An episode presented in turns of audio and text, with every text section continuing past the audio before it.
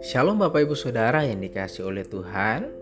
Puji nama Tuhan jika pada hari ini kita masih ada Kita percaya itu semua karena kemurahannya dan anugerah yang luar biasa Yang diberikan Allah kepada kita. Bapak Ibu hari ini kita akan kembali bersama-sama merenungkan firman Tuhan Dan oleh sebab itu terlebih dahulu mari kita siapkan hati kita Kita bersyukur kita bersatu di dalam doa. Bapak yang baik kami mengucap syukur untuk pagi hari ini kami boleh ada. Kami mengucap syukur bahwa Engkau Allah memberkati kehidupan kami. Kami boleh tidur dengan nyenyak, boleh pagi hari ini bisa bangun. Semua karena kemurahan dan anugerahmu. Kiranya sepanjang hari ini kami boleh melakukan apa yang engkau kehendaki, apa yang sesuai dengan firman-Mu, sehingga setiap kami boleh menjadi berkat bagi orang-orang lain dan senantiasa hidup memuliakan namamu ya Tuhan. Terima kasih ya Tuhan, di dalam nama Yesus. Haleluya. Amin. Bapak Ibu yang dikasih oleh Tuhan, kita sudah masuk ke dalam pembahasan kitab Yeremia dan hari ini kita akan melihat lagi kebenaran firman Tuhan dalam pasal yang kedua ini di mana pasal ini terdiri dari 37 ayat dan diberikan judul oleh LAI Israel murtad kepada Tuhan. Dan Bapak Ibu dikasih oleh Tuhan dalam pasal ini Allah memerintahkan Yeremia untuk menyampaikan berita kepada umat Israel atau umat pilihan Allah. Dan mari kita melihat Bapak Ibu Saudara beberapa hal yang disampaikan oleh Allah melalui nabinya Yeremia. Dan kita melihat Bapak Ibu Saudara di dalam ayat yang kedua Yeremia pasal 2 sampai ketiga di sana dikatakan Pergilah memberitahukan kepada penduduk Yerusalem dengan mengatakan, Beginilah firman Tuhan, Aku teringat kepada kasihmu pada masa mudamu, kepada cintamu pada waktu engkau menjadi pengantin. Bagaimana engkau mengikuti aku di padang gurun di negeri yang tiada tetaburannya. Ketika itu Israel kudus bagi Tuhan sebagai buah bungaran dari hasil tanahnya. Semua orang yang memakannya menjadi bersalah, malah petaka menimpa mereka. Demikianlah firman Tuhan. Bapak Ibu yang dikasih oleh Tuhan, dalam ayat ini kita melihat di sini digambarkan hubungan Allah dengan Israel itu ibarat atau seumpama hubungan suami dan istri di mana dalam hubungan suami dan istri itu harus ada ikatan, harus ada kasih sayang, harus ada rasa memiliki dan senantiasa mengasihi satu sama lain. Dan kalau kita melihat ayat ini Bapak Ibu Saudara, teguran yang dilontarkan Allah, diberikan Allah kepada umat Israel dikatakan, Aku teringat kepada kasihmu pada masa mudamu, kepada cintamu pada waktu engkau menjadi pengantin. Bagaimana engkau mengikuti aku di padang gurun di negeri yang tiada tetaburannya. Bapak Ibu Saudara di ayat ini kita melihat bersama bahwa kasih dari umat Allah ini tidak lagi seperti kasih yang mereka berikan pada waktu dulu. Ya, kita melihat bersama Bapak Ibu Saudara bagaimana perjalanan umat Israel memasuki tanah perjanjian. Ya, kita bisa melihat bagaimana Allah begitu sabar terhadap mereka. Allah terus mengasihi mereka. Allah mencukupkan setiap kebutuhan mereka Sekalipun mereka berpaling, sekalipun mereka tetap setia, Allah tetap setia dan mencintai umat Allah. Tetapi kemudian Bapak Ibu Saudara kita melihat ketika mereka masuk ke tanah perjanjian, mereka tidak lagi mengingat janji Allah itu mereka tidak lagi mengingat bagaimana penyertaan Tuhan, bagaimana mujizat yang Allah berikan, Allah nyatakan kepada mereka.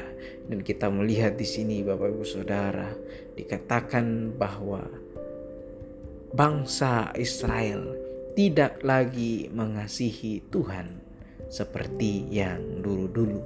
Cintanya tidak sama lagi seperti dulu-dulu ketika mereka merasakan bahwa kami adalah umat Allah, kami adalah kepunyaan Allah, tetapi sekarang mereka tidak lagi memperdulikan Allah dan mereka tidak lagi mencintai Allah dengan sepenuh hati. Bapak Ibu yang dikasih oleh Tuhan, kebenaran pertama ini mengingatkan kita bahwa sebagai orang percaya, mari kita mengoreksi hati kita. Apakah kita sudah sungguh-sungguh mengasihi Tuhan? Apakah kasih kita kepada Tuhan itu sama seperti dulu ketika kita mengalami kasihnya Tuhan? Apakah masih sama ketika kita mengalami cinta kepada Tuhan? Bagaimana Tuhan menolong kehidupan kita? Masihkah kita ingat akan hal itu? Masihkah kita mengasihi Tuhan seperti yang dulu Bapak Ibu bisa menjawab itu di dalam hati? Mari kita lihat lagi teguran Tuhan di ayat yang ke-6 sampai ayat yang ke-8 dituliskan di sana dan mereka tidak lagi bertanya di manakah Tuhan yang menuntun kita keluar dari tanah Mesir yang memimpin kita di padang gurun di tanah yang tandus dan yang lekak-lekuk di tanah yang sangat kering dan gelap di tanah yang tidak dilintasi orang dan yang tidak didiami manusia aku telah membawa kamu ke tanah yang subur untuk menikmati buahnya dan segala yang baik daripadanya. Tetapi segera setelah kamu masuk, kamu menajiskan tanahku. Tanah milikku telah kamu buat menjadi kekejian.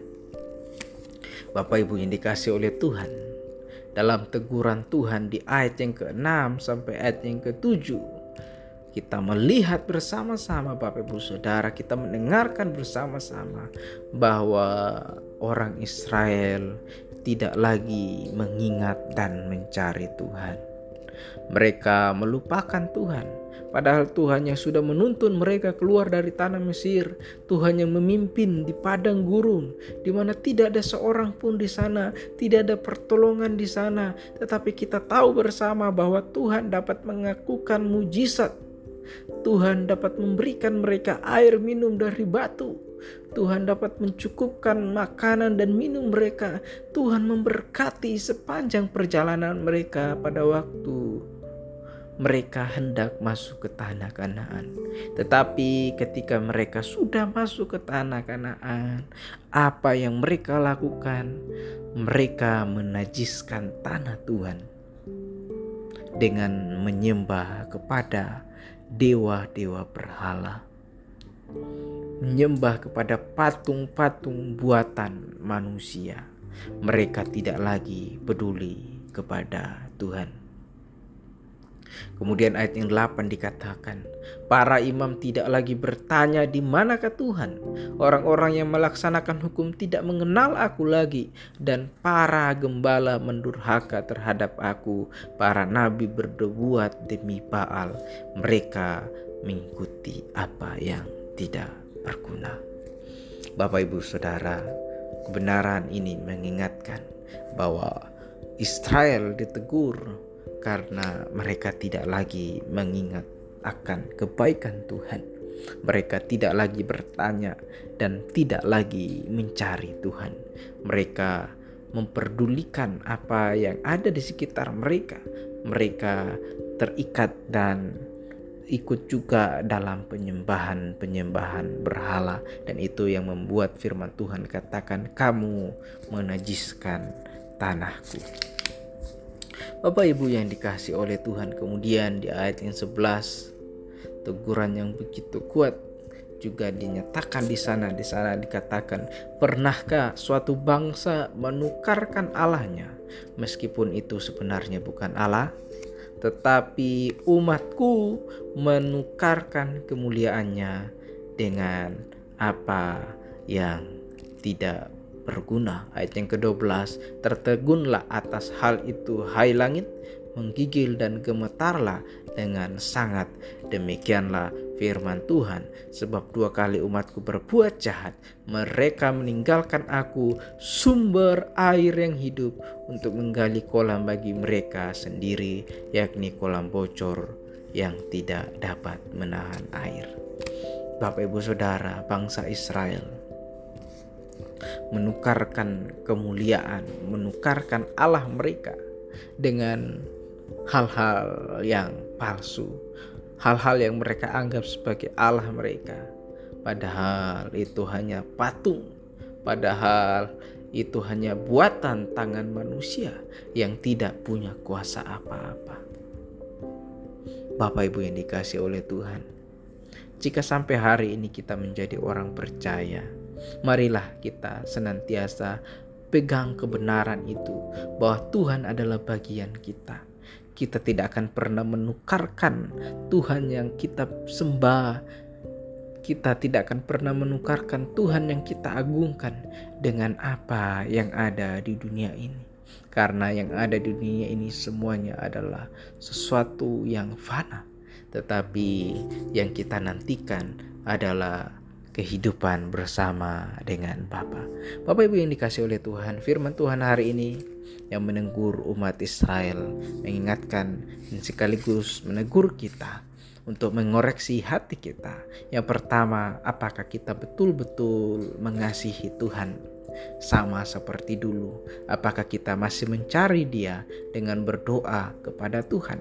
Apakah kita senantiasa mengingat kebaikan yang Tuhan berikan kepada kita. Bapak Ibu bisa menjawab hal itu di hati Bapak Ibu masing-masing. Lalu yang kedua firman Tuhan hari ini mengingatkan kepada kita agar jangan pernah menukarkan Allah yang kita sembah, agar jangan pernah menukarkan kepercayaan kita kepada Tuhan, kepada apa pun yang ada di dunia ini.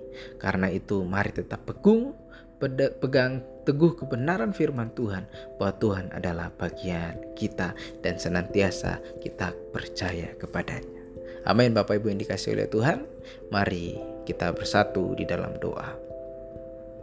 Bapa dalam kerajaan surga terima kasih untuk firman mengingatkan kami untuk senantiasa percaya kepadamu, senantiasa mengandalkan engkau, dan senantiasa hidup sesuai dengan kehendakmu hambamu berdoa, kiranya engkau Allah memberkati setiap kami yang mendengarkan firman ini, kami boleh senantiasa melakukannya di dalam kehidupan kami, sebab engkau lah Allah kami yang kami sembah, dan kiranya kami boleh senantiasa setia kepadamu ya Tuhan, kiranya engkau Allah mengampuni kami Tuhan jika sering kali kami melupakan Engkau. Seringkali kami tidak mencari Engkau, tetapi kasihmu yang menuntut kami untuk berbalik kepadamu.